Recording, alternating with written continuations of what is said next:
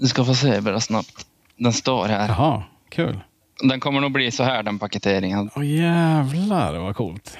Och så blir det en lite mindre etikett. Oh, satan vad snygg. Den här blir ju den blir lite kaxig. Ja, ja, ja. Det blir ju ganska dyr paketering, men en sån där limiterad produkt som vi släpper en gång. Den var skitsnygg. Vad, vad roligt.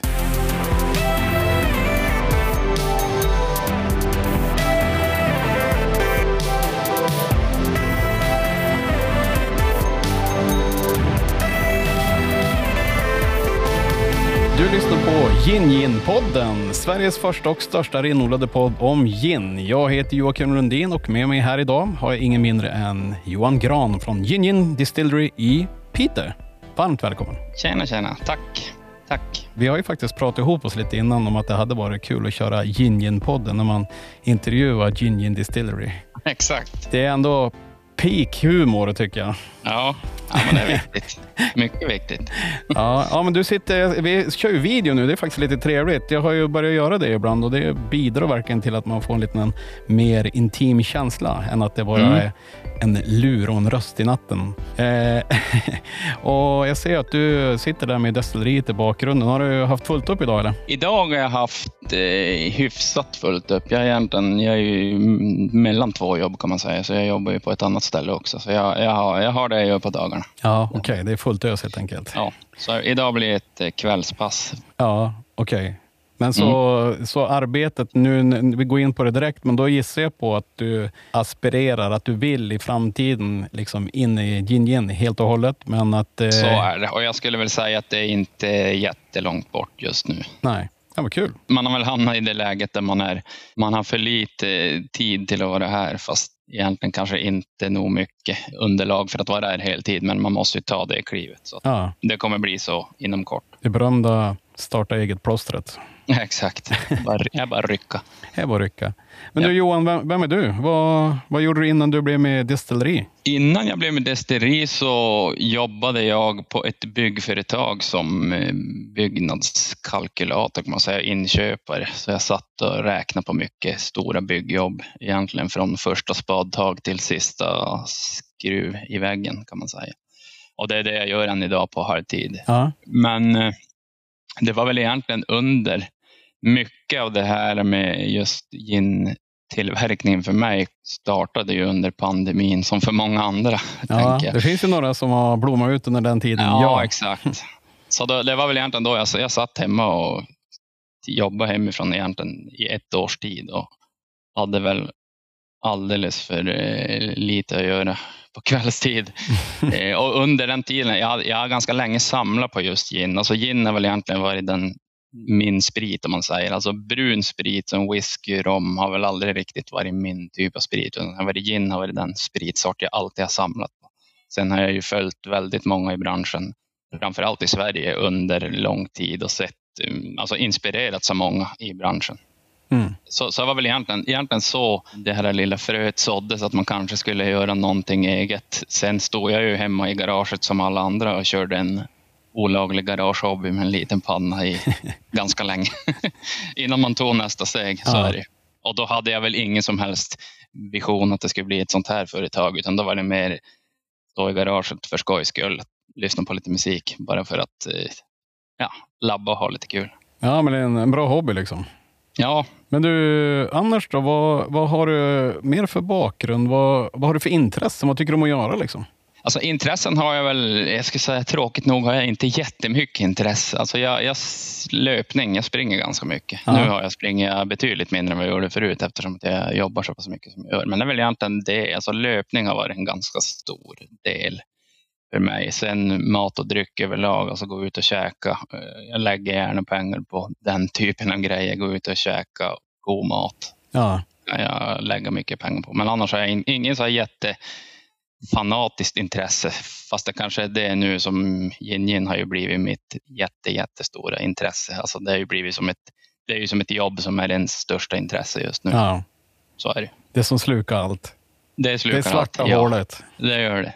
Helt klart. Men eh, och från Piteå, du, kommer du därifrån? Eller berätta lite grann var, vart eh, destilleriet finns någonstans. Om, man inte vet. Precis, Piteå kommer jag ifrån. Född och uppväxt, aldrig någonsin flyttat härifrån. Kanske dumt nog får man väl säga så här i efterhand, men nu är det för sent.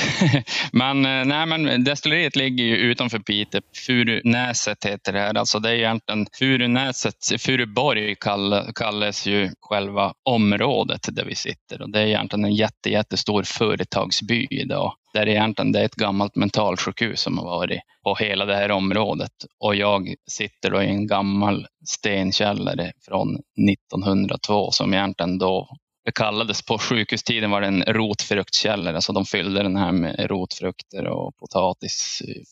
Och innan jag tog över den här lokalen så var det ett ölbryggeri som var där. Så Piteå Bryggerier heter ett ölbryggeri som, som la ner 2020, årsskiftet 21 så tömde de som sina lokaler och så lade de ner sin öltillverkning här i Piteå.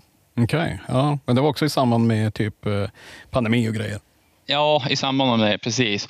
Och egentligen ganska långt innan det hade jag lagt ut ganska mycket krokar hos alltså många av våra fastighetsägare i Piteå. Piteå är ju inte jättestort och man har ganska bra kontakt med mycket folk. Så jag hade lagt ut mycket krokar att jag sökte en lokal för att bygga ett destilleri. Det var ganska långt gånget med en annan lokal som ligger 5-6 kilometer härifrån. Ja, när okay. då PNF, alltså Piteå Näringsfastigheter som äger den lokal jag är i nu, hörde av sig till mig och sa att nu kommer Piteå Bryggerier flytta.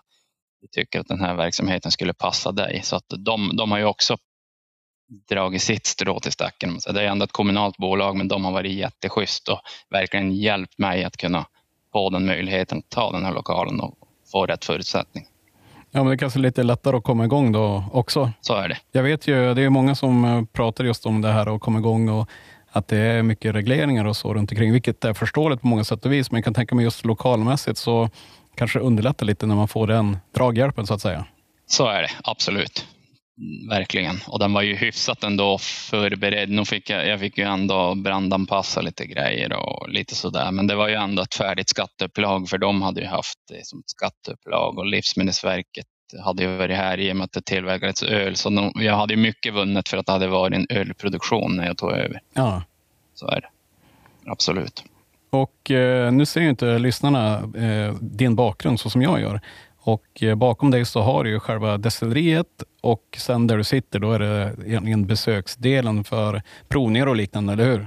Mm, precis. Jag har, jag har ju egentligen en, destilleridelen egentligen, det, det, är egentligen en stor lokal med en skiljevägg emellan där egentligen destilleriet är på 110 kvadrat ungefär. Sen är ju provningsdelen är ju ganska exakt lika stor så att provningsdelen har ju blivit en ganska stor verksamhet för mig. Alltså jag har inte annonserat jättemycket om det, men jag har ju haft i princip i höst har jag haft nästan en provning i veckan av mycket företagsfolk från Piteå som har kommit och alltså det är jättestort intresse kring den typen och det är ju någonting jag verkligen skulle vilja utveckla ännu mer, provningsdelen. Mm.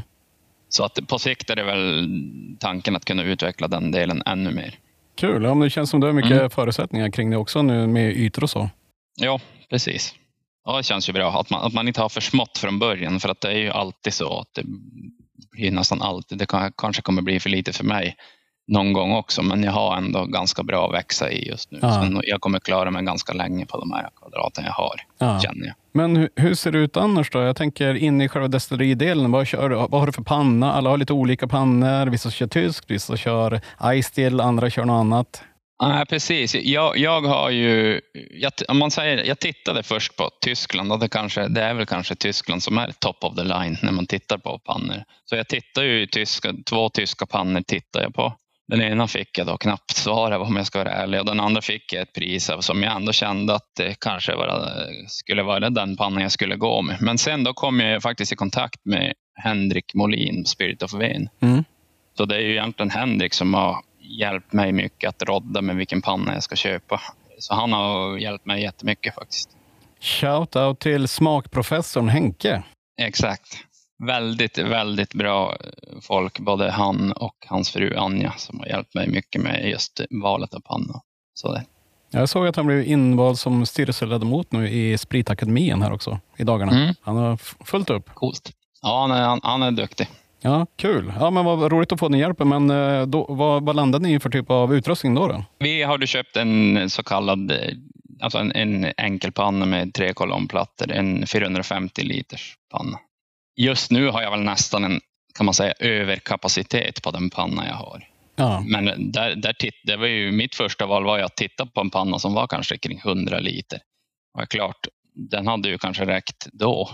Men jag vart ju tipsad från andra i branschen, köp inte en för liten panna. För köper du en för liten panna kommer den vara för liten efter två månader. Sen ja. ska du stå och vänta flera månader på en ny panna. Så jag valde ganska fort att gå på som en kan man säga, mellanstor panna då på 450 liter. Som jag inte ångrar en sekund nu i efterhand. Nej, nej jag förstår det. Min eh, polare Wobba, eh, han skrev till mig tidigare här idag och eh, då skrev han att han precis hade beställt en dry-in från dig. Så det tyckte jag var roligt. Ja, okay. Så det, var, det, passade bra. Han visste inte att jag skulle prata med dig idag, men jag tänkte okay. shout, shouta till Thomas också då, som har gjort det här. Bra Thomas. Ja, bra Thomas. Du, eh, jag tänker sådana batchar då. Vissa har ju nano-batchar och det finns olika storlekar på batchar. Men om man har en 450 liters panna, mm. innebär det då att man har ut typ 800-900 flaskor eller vad? Hur ska man räkna alltså jag, sånt där? Jag, det, jag har ju satt mitt recept så att jag, jag jobbar ju med att jag får ut ungefär 450 liter färdig produkt på ja. buteljering 40 procent. Ja. Så ish, ish 880-900 flaskor får jag ut på en batch. Ja. Och jag kör ju bara single batcher. Alltså jag kör inte någon multishot, utan jag kör single.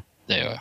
Men om vi tar och spolar tillbaka lite grann här då och man inte vet liksom vilka Gin Distillery är och det kanske är första gången man har talas om det här i podden. Mm. Eh, hur skulle du bäst förklara konceptet Gin Distillery? Vad det är för någonting? Vad vill du uppnå liksom? Om man säger så här, om man ska dra historien lite grann, hur, hur jag tänkte när vi Gärna. startade det här bolaget. Så vi tänkte lite så här, eller vi, jag, jag kanske ska också säga att vi är tre, jag är tre andra delägare med mig i det här bolaget. Det är jag som sköter driften och egentligen jag som i princip bara jag som jobbar med det här aktivt. Men jag har ju med mig tre delägare som är väldigt, väldigt bra att ha med. Dels för att de är, de är duktiga, de känner mycket folk och den ena är ju då inom restaurangbranschen så att de, de, han känner mycket folk den vägen. Men sen för mig har det varit bra att på resans gång ha med mig ett bollplank och att inte bara jag som ska ta alla beslut. För då, då tror jag det är lätt, då hade jag lätt hamnat i det här ämnet att då kanske jag hade blivit det lilla garageföretaget, att jag hade tänkt för min egen skull, ja, men jag behöver inte göra det nu, jag behöver inte göra det nu, utan då får jag någon utifrån som ser saker på ett annat sätt, ja som pushar si och så. Och där bestämde vi ju ganska fort när vi tog fram den här profilen för Yin Alltså vi, vi gjorde ju en jättestor som man säger, en analys på vad som finns.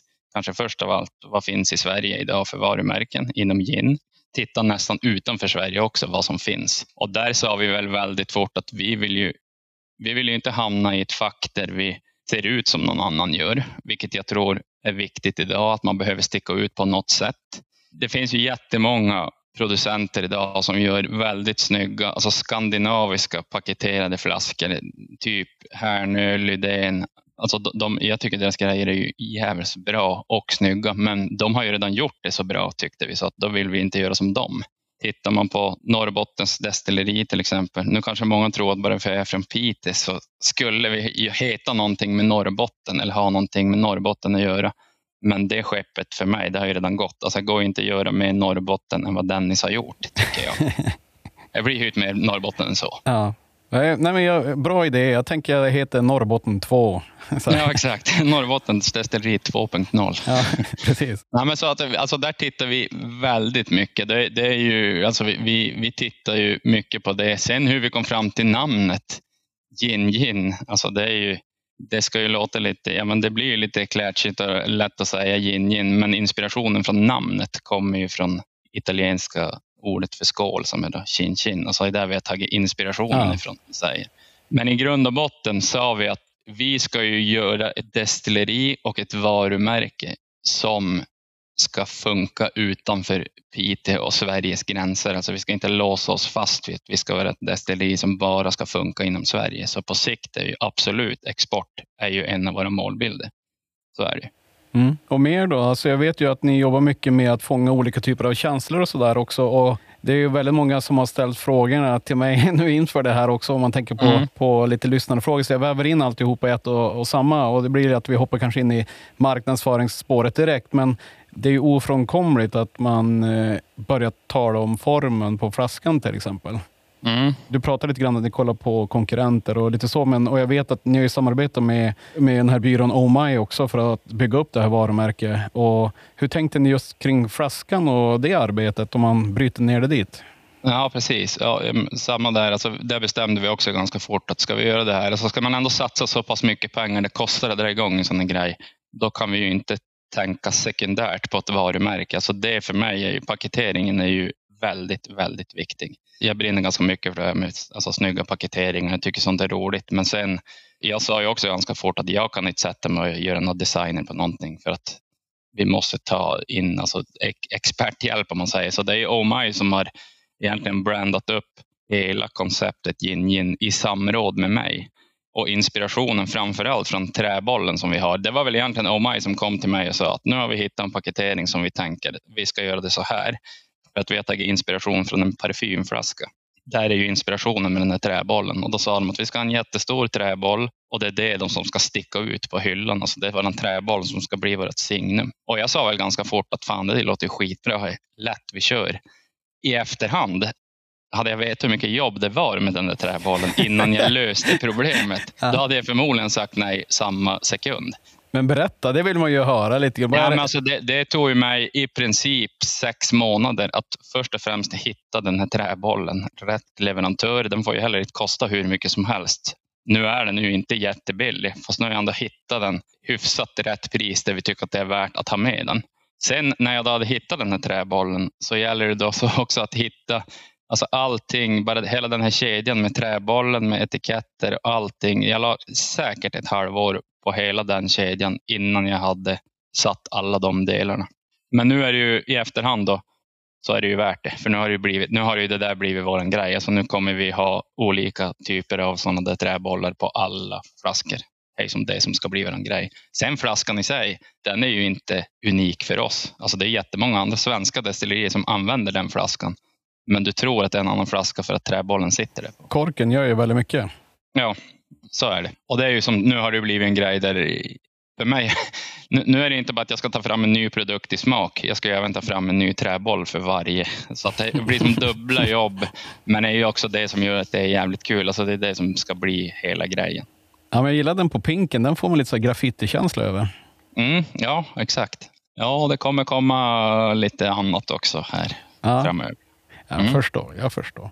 Men jag vet också att när, när, eh, jag vet att när ni höll på att diskutera det här med eh, parfymflaskan, om man bara ska binda ihop det lite grann, så vet jag också att man, Mm. man pratar mycket om det här med doftminnen och ni vill ju få in det här med smakminnen som jag tolkar det. Mm. Ja, precis. Men det är också My. Alltså, jag har ju haft ett fem plus-team som jag säger på My som har jobbat med Gin och mig. Det är ju nästan under ett års tid nu till och från som vi har som satt det här varumärket och det, det ska ju alltså genomsyra hela Jinjin. Så när du ser en merch med Gin då ska du veta exakt vad det handlar om. Det är liksom det som är vår målbild med allting. Och då har ju då varje flaska kommit få sitt eget mod, sin egen style och sin egen taste like. Alltså det är ju också, det är ju plockat också från parfymvärlden, hela den bilden. Så att vi har väl egentligen sagt att vi ska göra en flaska som är väldigt inspirerad från en parfymflaska. Sen har ju alla flaskor en egen illustration på insidan och så de får ju som en egen bild på insidan av flaskan. Ja. Ja, och sen vet jag också att ni tar ut det här gin gin också på olika sätt som typ Negronioni och Exakt. alla exakt. de här. Och Ja. det, det blir ju ganska roligt liksom. Ja, precis. Ja, det kom, och just den biten kommer att bli ännu, ännu mer nu framöver. Mm. Okej, det ser vi fram Ja, emot. det, är- ja, men det är som det som ska bli grejen. Hur det ska komma i- känna igen oss. Ja, det var jättekul att höra. Mm. Och Mm. Jag tänker mer så här kring eh, de här olika färgerna som du har på flaskorna. Är det något speciellt att tänka kring det? Alltså dry gin, den var grön. Dryen grön, precis. Den vart egentligen bara grön för att den, det, var, det var den färgen den fick från början. Sen pinken är väl inte så konstigt att den blev pink, att den vart rosa. Sen har vi även släppt en fatlagrad barrel age tillsammans med This is how. Det, är egentligen, det kommer ju också vara en återkommande produkt varje år i väldigt liten upplaga. Där då träbollen är träfärgad för att den har legat på ett träfat. Ja. Så batchen vi tog nu 2022, där var det ju då ett eh, barley wine, gammalt bourbonfat som de hade haft en barley wine på. Och årets lagning blir då en, ett sherryfat där de har haft en stout på. Ja, Så- Och den, den ligger nu och gottar till sig. Så det, det blir årets upplaga. Ja. Alla korkar kommer få någon typ av färg som går ihop med etiketten. Mm. Sen har vi även ganska nyligen släppt en, en, en halvblå kork kan man säga och en etikett som är lite ljusblå och lite ljus, mörkblå. Och det är ju tillsammans med Cirkus Centrum, alltså en restaurang som har öppnat här inne i stan. Centrum Krog äger egentligen de har öppnat en ny restaurangdel som heter Cirkus Centrum som är egentligen en liten bakficka utav Centrum Krog där de kör mycket företagsgig och grejer. Där även jag har varit med och satt menyn på den, ja, kul. på den restaurangen. Mm. Och där, där har vi väl som sagt att vi ska byta ut den menyn. Olika aktörer som är med och sätter. Så bland annat Emil Oreng och Victor Laurel har satt varsin drink på menyn. Ja. Sen har Dennis Bejedal satt en eh, Oskar Bruno Agitator har satt en drink. Så vi kommer att bjuda in lite olika folk som får sätta en drink på menyn under en liten period. Mm. Så kanske Ginpodden får sätta en drink. Vem vet, vem vet? ja, skithäftigt Mm. ju. Vad roligt. Ja, Jag tänker också så här, vi, vi ska snart hoppa in och diskutera produkten och jag vill också att du berättar lite grann om signaturdrinkar och grejer. Men Mm. För att knyta samman allting vi har pratat nu om utseendet och alltihop, designen så. Det var ju någonting som hände med Svenska Designpris också, eller? mm, precis. Vad händer där? Alltså vi, vi vann ju, eller egentligen det kanske, det kanske gynnar Oh My mer än mig för att eh, de skickade ju in då till Svenska Designpriset och vi vann ju då, vi vann ju då kategori guld om man säger i både juryns motivering och People's Choice. Och då kanske det är People's Choice som för mig framför allt är det bästa kvittot. Att jag vet att det är ändå, det är ändå människor ute i Sverige som har röstat fram det till den snyggaste förpackningen, dryckesförpackningen under 2023. Det var ju jättekul. Ja, men det är viktigt också för investering som görs. Jag menar, jag jobbar ju själv på en byrå. Jag vet ju att det är vettigt att använda oss, men det är inte alltid helt gratis. Men, nej, det är det inte. så, så, eh, så det är kul att få det kvittot menar jag. Exakt, helt Men- klart. Men vi kan ju dyka in direkt i produkterna. Då. Du börjar ju prata här om Cirkuscentrum. Eh, det- Mm. vad, vad har du för smakpalett där? Vilka botanicals är det som eh, du har jobbat med där? Där har jag jobbat, där sa vi väl att, eller egentligen det var Johan som äger Cirkus Centrum, Krog som sa att, att det ska vara en jävligt GT-vänlig gin. sa han. Det var det jag fick. Eh, Så där är vi egentligen, den är ju hyfsat klassisk eh, med ganska mycket enbär fast väldigt citrusdriven. Så där har vi både citron, lime och apelsin. Så Ja. lite fläder, kardemumma, angelikarot, enbär, koriander. Ganska klassisk eh, gin ändå fast väldigt citrusdriven som passar väldigt bra i GT. Och den kör vi, när vi kör den med GT då kör vi den med apelsinskiva. Okej, ja. Mm. Är det det skulle du säga är signaturdrinken på den? Eller har ni någon För annan den, för den ska jag säga att det är det. Ja, det är, en- det är en GT in helt enkelt. En, ja, en GT gin, typ Fever Tree Mediterranean och sån apelsinskiva tycker jag är jättebra i den. Snyggt. Eh, Och den Mm. första produkten det var ju er dry, givetvis. Ja. Hur lång tid tog det att komma på receptet där då? Vad var du ute efter liksom? Alltså, jag skulle säga alldeles, alldeles för länge. Nej, men till slut hamnar man ju också i ett läge där man hamnar i ett läge, och speciellt när man stå, står ensam många gånger, när man har testat tusen olika batcher, så hamnar man i ett läge där man nästan börjar tveka på sig själv. Alltså man börjar fundera, är det här nog bra? Då är det jättebra att ha med till exempel Johan Eriksson från Centrum Krog, som då också är en av delägarna i Gin Gin. Som kan kliva, han är ju väldigt smaksäker, som kan komma in och säga att nu är det det här. Alltså man måste som få stöttning från, från det hållet också. Så där är det ju jätte, jättebra att ha med de andra. Men jag höll på med den säkert i, och labba med den i sex månader ska jag tro. Ja. Parallellt med korken så var det den jag tog fram. Det tog, ko- korken och första, första produkten tog ungefär sex månader. Jämnt skägg så jag körde varannan dag korkjobb, varannan dag destillering. Ja, man kan tänka mig princip. också att du kanske hade en ganska, att du hade ganska tidigt en bild av vad du ville skapa med tanke på att du hade ett sånt eh, gin-intresse och samlade sedan tidigare också.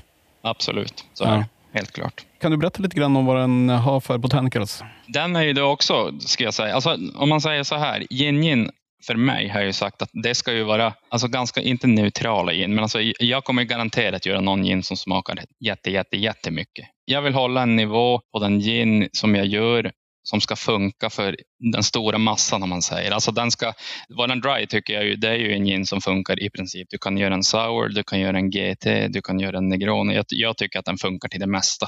Alltså det, är ju, det, det, det ska ju vara vår arbetshäst. Den är ju också ganska klassisk. Alltså det är ju mycket enbär i den, citron. Sen är den ju lite blommig i sin efterton med rosenrot, lavendel och färsk rosmarin som ligger som ger en liten, en liten blommig ton. Fast ganska snäll ändå. Så, där. så att jag, jag tycker att i en cocktail, för mig i alla fall, jag tycker att om man blandar en cocktail, om man har gin i en cocktail till exempel och du har citron och vad du än har, så ska ju inte en cocktail bara smaka gin. Alltså jag tycker att det ska bli ett samspel mellan allting. Och har man då en för kraftig gin tycker jag att då kan den ta över. Givetvis, som jag sa, jag kommer säkert göra någon som är jättekraftig, men ska man ha en kraftig gin då tycker jag kanske det passar bättre i en draje. Mm. Våran gin är väl inte världens bästa draja gin ska jag säga. För att då smakar den kanske för lite. Ja.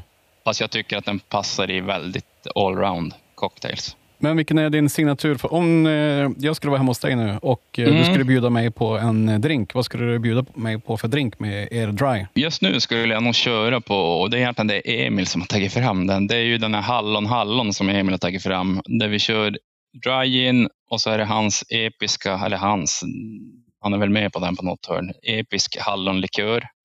Citron, socker, äggvita. Den är sjukt god. Ja, det blir någon souraktig grej. Ja, exakt. Ja, den låter ju väldigt god. Jag sneglade faktiskt på den tidigare. Mm, jätte, jättegod. Mm. Den gillar jag. Sen gillar jag även, alltså, min personliga favorit ska jag säga, är ju alla dagar i veckan Negroni.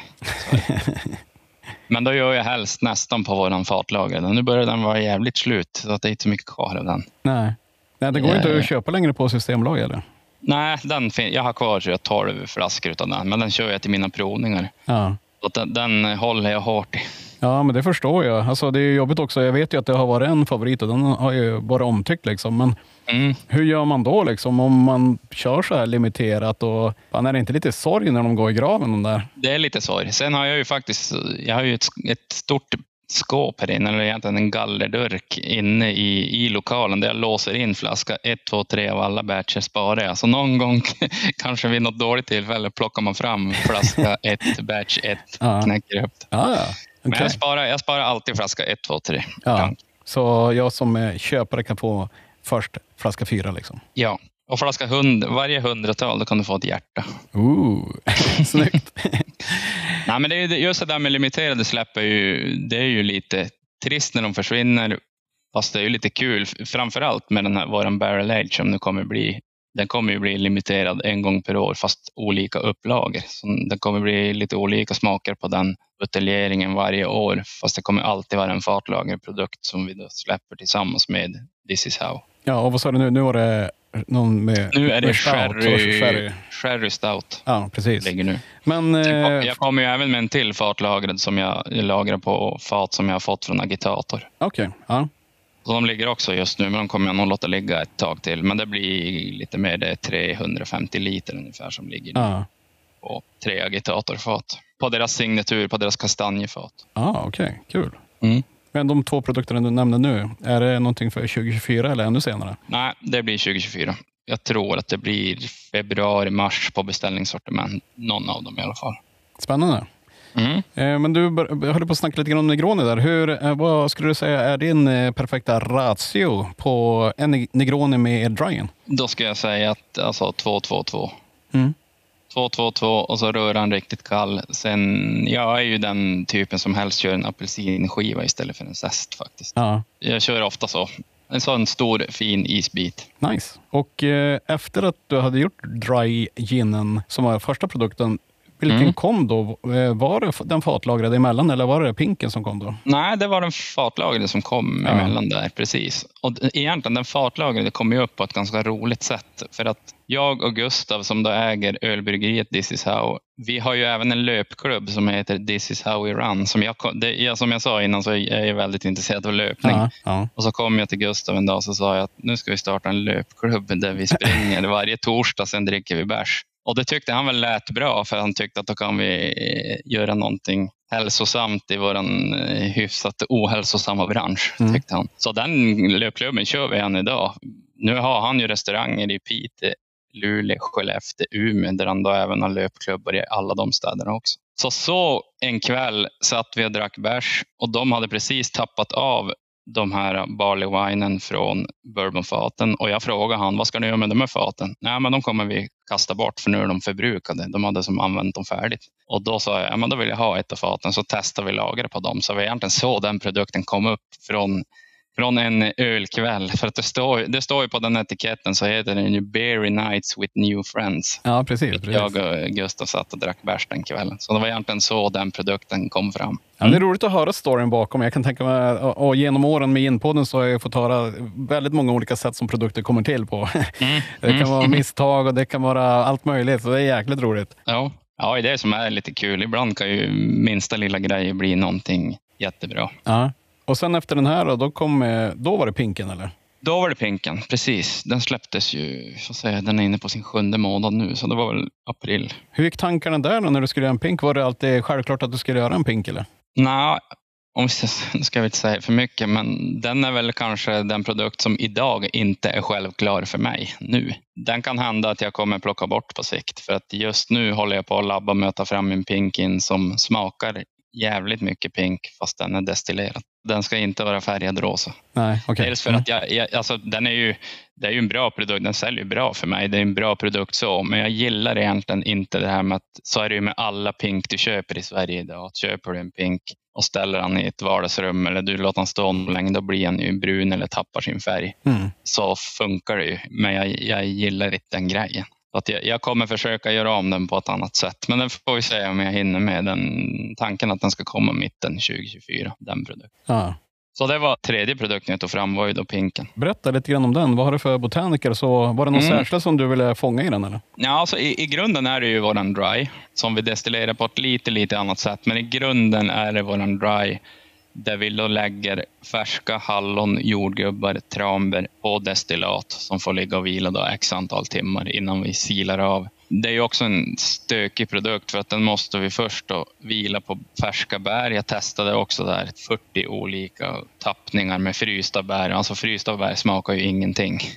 Så att jag hamnar i det läge där man ska ha färska bär. Så att jag, jag vilar den på färska bär. Den silar jag av, sen pumpar jag det genom ett filter för att få bort fällningar som blir från en sån produkt. Så det är en, det är en produkt som tar mycket, mycket mer tid, kostar mer att ta fram, fast man kan egentligen inte ta så mycket betalt som man skulle borde för den. Nej. Om du förstår det jag menar. Men den är ju ändå, jag tycker den är, den är ju väldigt bärig i sin eftersmak. Alltså mycket just från hallonen och jordgubbarna som man känner. Fast den smakar ändå gin. Vilket mm. det, kom, det, kom, det kommer vara väldigt viktigt för mig att alla produkter vi gör måste smaka gin.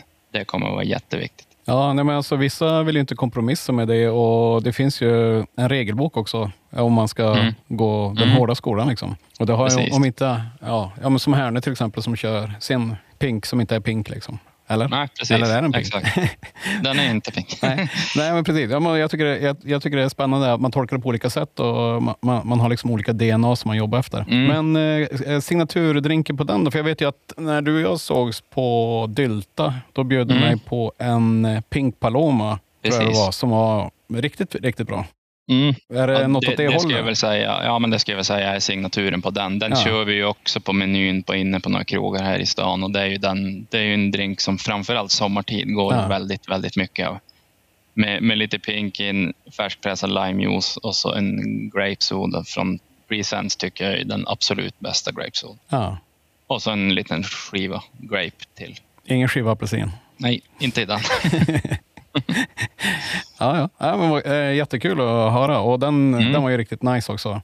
Ja, eh, väldigt somrig och fruktig. Ja.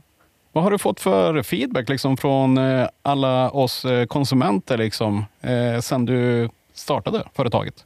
Ja, men, jättebra. Alltså, det, nu när man tittar tillbaka, man, man, ibland sitter man så hamnar man i ett läge där man sitter och tänker, fan, vad, vad har hänt egentligen? Så stannar man upp och tänker, ja det är, ändå, det är ett år sedan vi lanserade. Och egentligen har vi släppt fyra. Det har gått ganska fort.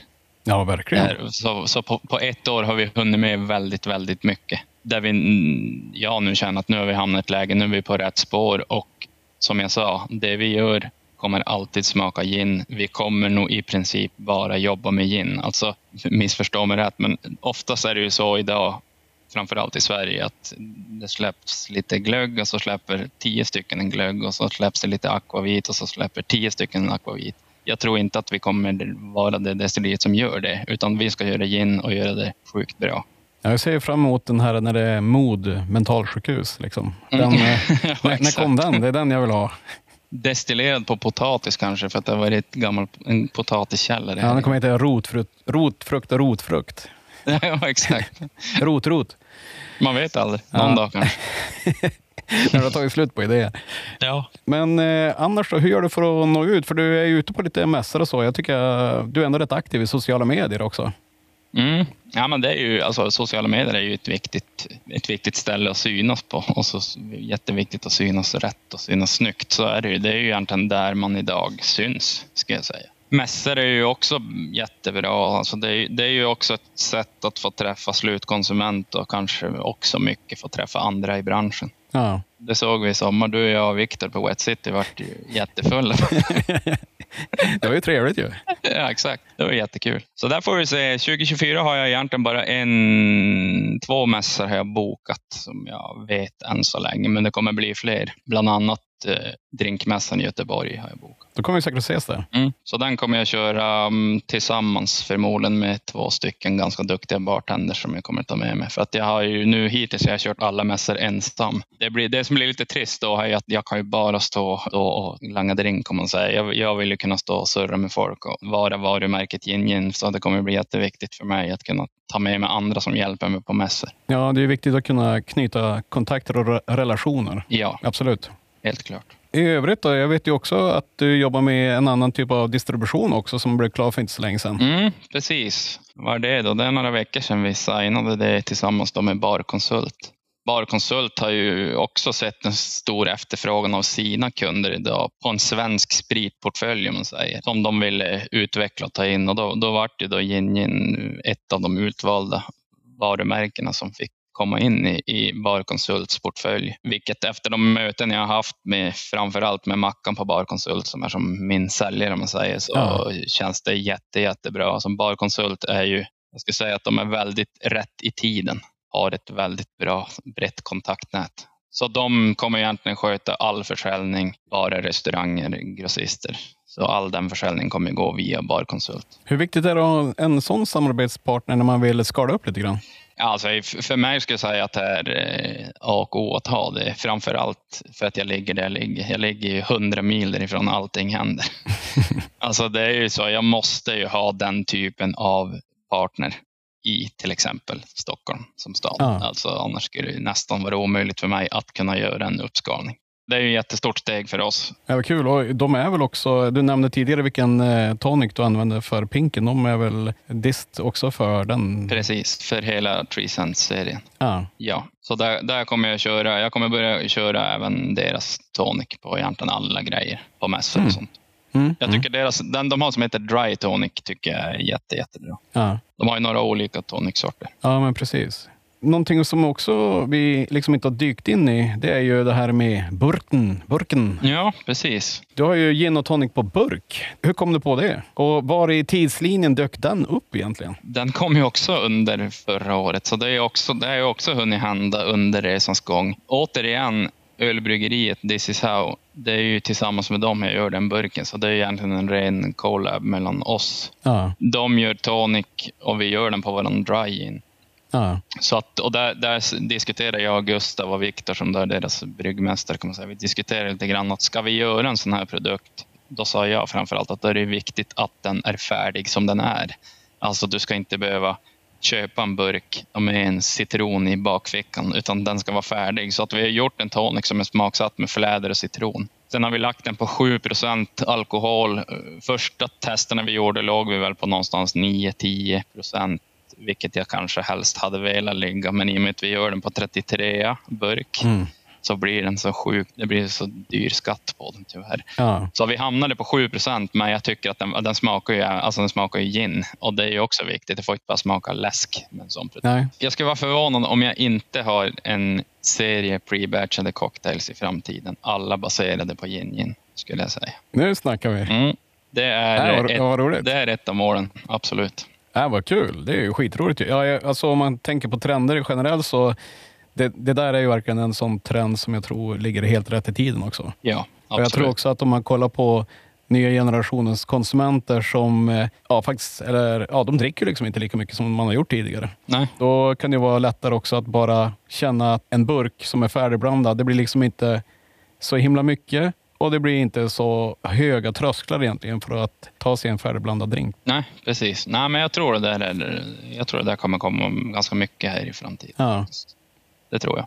Sen har vi kört den i sommar. hade Vi vi har en festival här i Piteå som heter PDOL, alltså Piteå dansar och ler. Där körde ett av de större tälten med ganska mycket artister. De tog in den här burken och körde den som de körde egentligen den som GT i det tältet. Jaha, Att vi skickade ju som en pall dit och den gick ju åt hela den pallen. Sen har vi även faktiskt fått skicka en pall till Italien till Gustavs distributör då, via ölsidan. Så det är lite kul. Det är, en, det är en, också en produkt som vi hade egentligen inte, vi hade ingen aning hur, hur den skulle tas emot fast den har ju faktiskt gått väldigt bra sen vi lanserade den. Men jag tänker så här, nu, nämnde du Italien. Eh, Mm. Har du börjat exportera någonting än? Inte jag som yin-yin, det har jag inte, men en av målsättningarna är ju absolut, eh, alltså det är ju, ett av våra mål är ju export. Så, är. Ja. så får vi se vilka länder vi lyckas. Man ska ju lyckas och man ska göra det bra när man väl ska göra det. Så att vi, det är ju någonting jag sitter och tittar på nu i princip dagligen för att hitta rätt väg in på olika ställen. Ja. Jag tänker också så här, äh, när man har ändå så pass hastighet som du har haft. Mm. Alltså du har redan eh, nämnt massor av ny produktutveckling och eh, det var ju som sagt bara typ ett år sedan som du drog igång det här och lanserade. Mm. Vad finns det för vision och drömmar kvar hos dig och hos ägargänget? Liksom? Du pratade lite grann om att ni vill skala upp och du ska jobba med det, men sen också att eh, exporten är viktig på, en framtid. Men Mm. vad har du för vision och drömmar kvar? Liksom? Lite det jag har nämnt innan. Alltså, vi, vi vill ju bli det här destilleriet egentligen. Du ska, veta, du ska veta vilka du är när du ser våran flaska på grund av bollen framför allt. Sen så vill vi ju bli det destilleriet där folk vet att vi gör väldigt högkvalitativ gin. Alltså vi, vi kommer nog inte spreta åt många håll som sagt med akvavit eller glögger utan det gin kommer vara vår grej. Vi kommer ju då som sagt också, gör vi en serie pre-batchade cocktails, då kommer det vara på ginbas, 100 procent. Jag vill liksom hålla det stuket och bygga det så. Så att det är väl en av målsättningarna, är väl export, absolut. Mer närvaro för mig kommer ju absolut bli viktigt. Jag tänker ju att den dag jag börjar jobba med det här heltid, vilket känns som att det är ju ganska snart, då kommer jag till att ha mycket närvaro ute på krogar, restauranger, typ Stockholm, Göteborg. Här har de diskuterat att göra något gästspel där, så att mycket sånt kommer. Alltså, närvaro för mig ute kommer vara viktigt, så det är ju, det är ju ett av målen. Steg ett är ju att jag ska börja jobba med det här, men vi säger absolut att vi vill ju bli ett av de självklara valen, så att på sikt är ju inte bara jag som jobbar här, tänker vi. Ja, men det är en jättebra ambition. Mm. Vad är du mest stolt över? Det där är lite svårt. Nej, men alltså, jag, jag är jättestolt över våran dry. Över hur, hur jag hade tänkt att den skulle bli och som den blev. Alltså, det, är ju min, det är ju mitt skötebarn, är ju den dryen. Jag, jag är stolt över att vi, vi ändå på så pass kort tid lyckas göra ett hyfsat namn. Och det känns som att vi har knappt börjat. Nej, grattis till det, att du har den känslan. Det är en jätteskön känsla att gå, gå omkring och, och, och känna. Om du skulle skicka med någonting till någon som lyssnar och som går omkring och tänker, ah, fan, jag kanske ska starta ett destilleri. Vad skulle du säga då? Då skulle jag nog säga att eh, jag rådfrågade ju många andra innan jag startade här. Många andra från branschen. Jag var ju bland annat i kontakt med Jon på Härnö, Emil på Lidén. Alltså, det måste jag också säga, den här branschen är ju, tycker jag, väldigt bjussig. Alltså jag var ju och besökte, nu när jag var i Stockholm i sommar, var jag och besökte Erik på Stockholms bränneri. Alltså det är ju så sjukt kul att träffa andra likasinnade som är alltså väldigt bjussiga och schyssta. Så det skulle jag vilja säga. Har man, går man i de tankarna så absolut, fråga. Man kan ju inte få mer än ett nej. Alltså vill, man, vill ingen svara på, då säger de väl ingenting. Men man ska alltid fråga sig för om man undrar om någonting. Ja, Sen är jag ju också, i och med att jag är lite så här, nu varumärkesskadad, att tänk inte bara 100 procent alltså produkt, produkt, produkt, utan tänk hela vägen. Alltså varumärket är ju sjukt viktigt. Storyn, paketeringen, allt måste gå hand i hand med varann när väl produkten är framme. Väldigt viktigt. ja och det håller jag helt med om. Eh, ibland så kollar man bara på separata delar och då kan det ju bli lite, lite spretigt. Ja, det är inget kul om du ska börja släppa produkter, sen ska du börja rebranda och göra om efter ett tag. Det blir ganska kostsamt. Då ska du nästan Ja. börja om på noll. Ja, men det är så här man, eh, man gasar på, man är så taggad och så sen så glömmer man bort grunden lite. Exakt. Och vi gjorde väl, ska jag säga, tvärtom. Alltså vi, vi började ju innan jag ens hade fått pannan så hade vi ju suttit och jobbat med Gin Gin som brand i några månader. Så att vi, Ja. vi började ju nästan i andra ändan, vilket var uppenbarligen helt rätt i och med att kanske svenska designpriset också visade sig så att vi vann det. Så Mm. det är jag också jättenöjd med, att, att vi verkligen la de tiden och pengarna på, på det. Ja, och jag tänker också sen, du nämnde ju den här stoltheten över er dryen och den fick ju också ett fint pris i år. Ja, precis. Alltså, d- där vann, vi vann ju IVSC, fick vi guldmedalj för den. Och där har man ju som, om man kallar det lekman, men alltså när jag skickade in de, den produkten dit, jag hade ju ingen aning vad jag skulle förvänta mig av det. Sen damp det ner ett mejl i min inkorg att vi hade vunnit guld på vår dry IVSC, varav vi då var den enda svenska producenten som fick guld i den kategorin.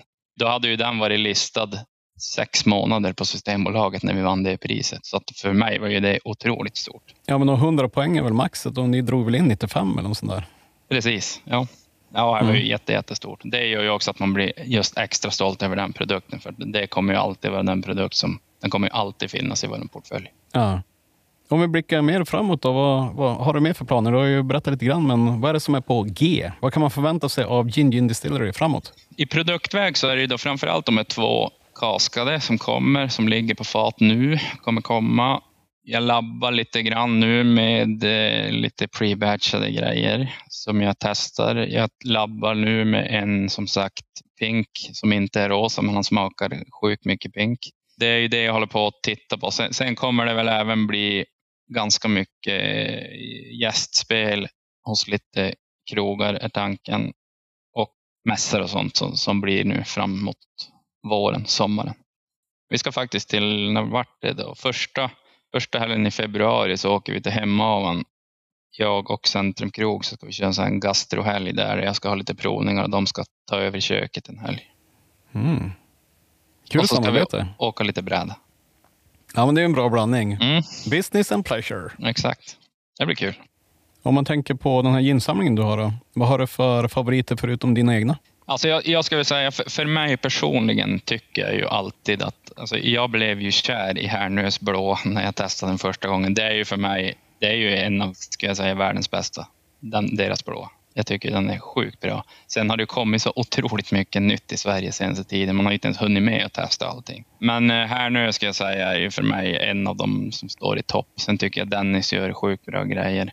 Stockholms bränneri gör jättemycket. De, de släpper ju så mycket de också, men, men de gör ju väldigt mycket grejer. Jätte, jättemycket bra pre-batchade grejer gör de nu också. Deras burkserie är ju fantastiskt bra. Där tycker jag väl också att de tittar jag mycket på, inspirerades mycket av Stockholms bränneri när jag startade upp det här. Och jag, jag tycker väl att de har ju ett varumärke som är varumärkesmässigt är det kanske för mig ett av Sveriges snyggaste hela deras serie igenom. Ser du en produkt då vet du exakt att det är deras. Alltså hela deras Instagramkonto till produktpaketering. Man ser ju att det är de som har gjort det. Så det är ju ett jättesnyggt paketerat varumärke med väldigt, väldigt bra grejer. Och ett skönt gäng som jobbar där. De, de har ju en jävligt cool grej. Mm. Ja, men det är verkligen ett gäng. Mm, helt klart. Helt klart. Det är väl en av drömmålbilderna, alltså lite sådär, ha, ha det där sköna gänget som jobbar. Kul, det är ju jätteroligt att, eh, Mm. att du ska vilja ha ett sånt gäng. Jag menar nu när du är så mycket själv. Ja, exakt. Det är klart att du drömmer om det då. exakt. Jag tycker att det är precis som du säger, det har kommit så mycket in så det är helt galet. Eh, Nu är det ju 355 tror jag på sys- Systembolaget svenska. Mm. Och när man hör att det är 355 svenska på Systembolaget så tänker man också att allt annat som inte släpps på systemet. Så det Precis. finns ju säkert jäkligt stort mörkertal också kopplat till de som bara släpps hos restauranger och sådär. Ja. Och börjar man tänka på det och att man inte har testat en, ens i närheten av alltihopa, och inte ens hälften, då tänker jag att jag börjar få så posttraumatisk stress. Liksom. Ja, men det, det tror jag också är en grej varför vi tittar på export. Alltså jag tror om du har tänkt leva på ett sånt här företag så tror jag det är jättesvårt idag att bara leva på en svensk marknad. Speciellt när det kommer så mycket. Och jag tror inte, den sista, jag tror inte sista industrileriet har startat i Sverige heller. Nej, det tror inte jag heller. Nej.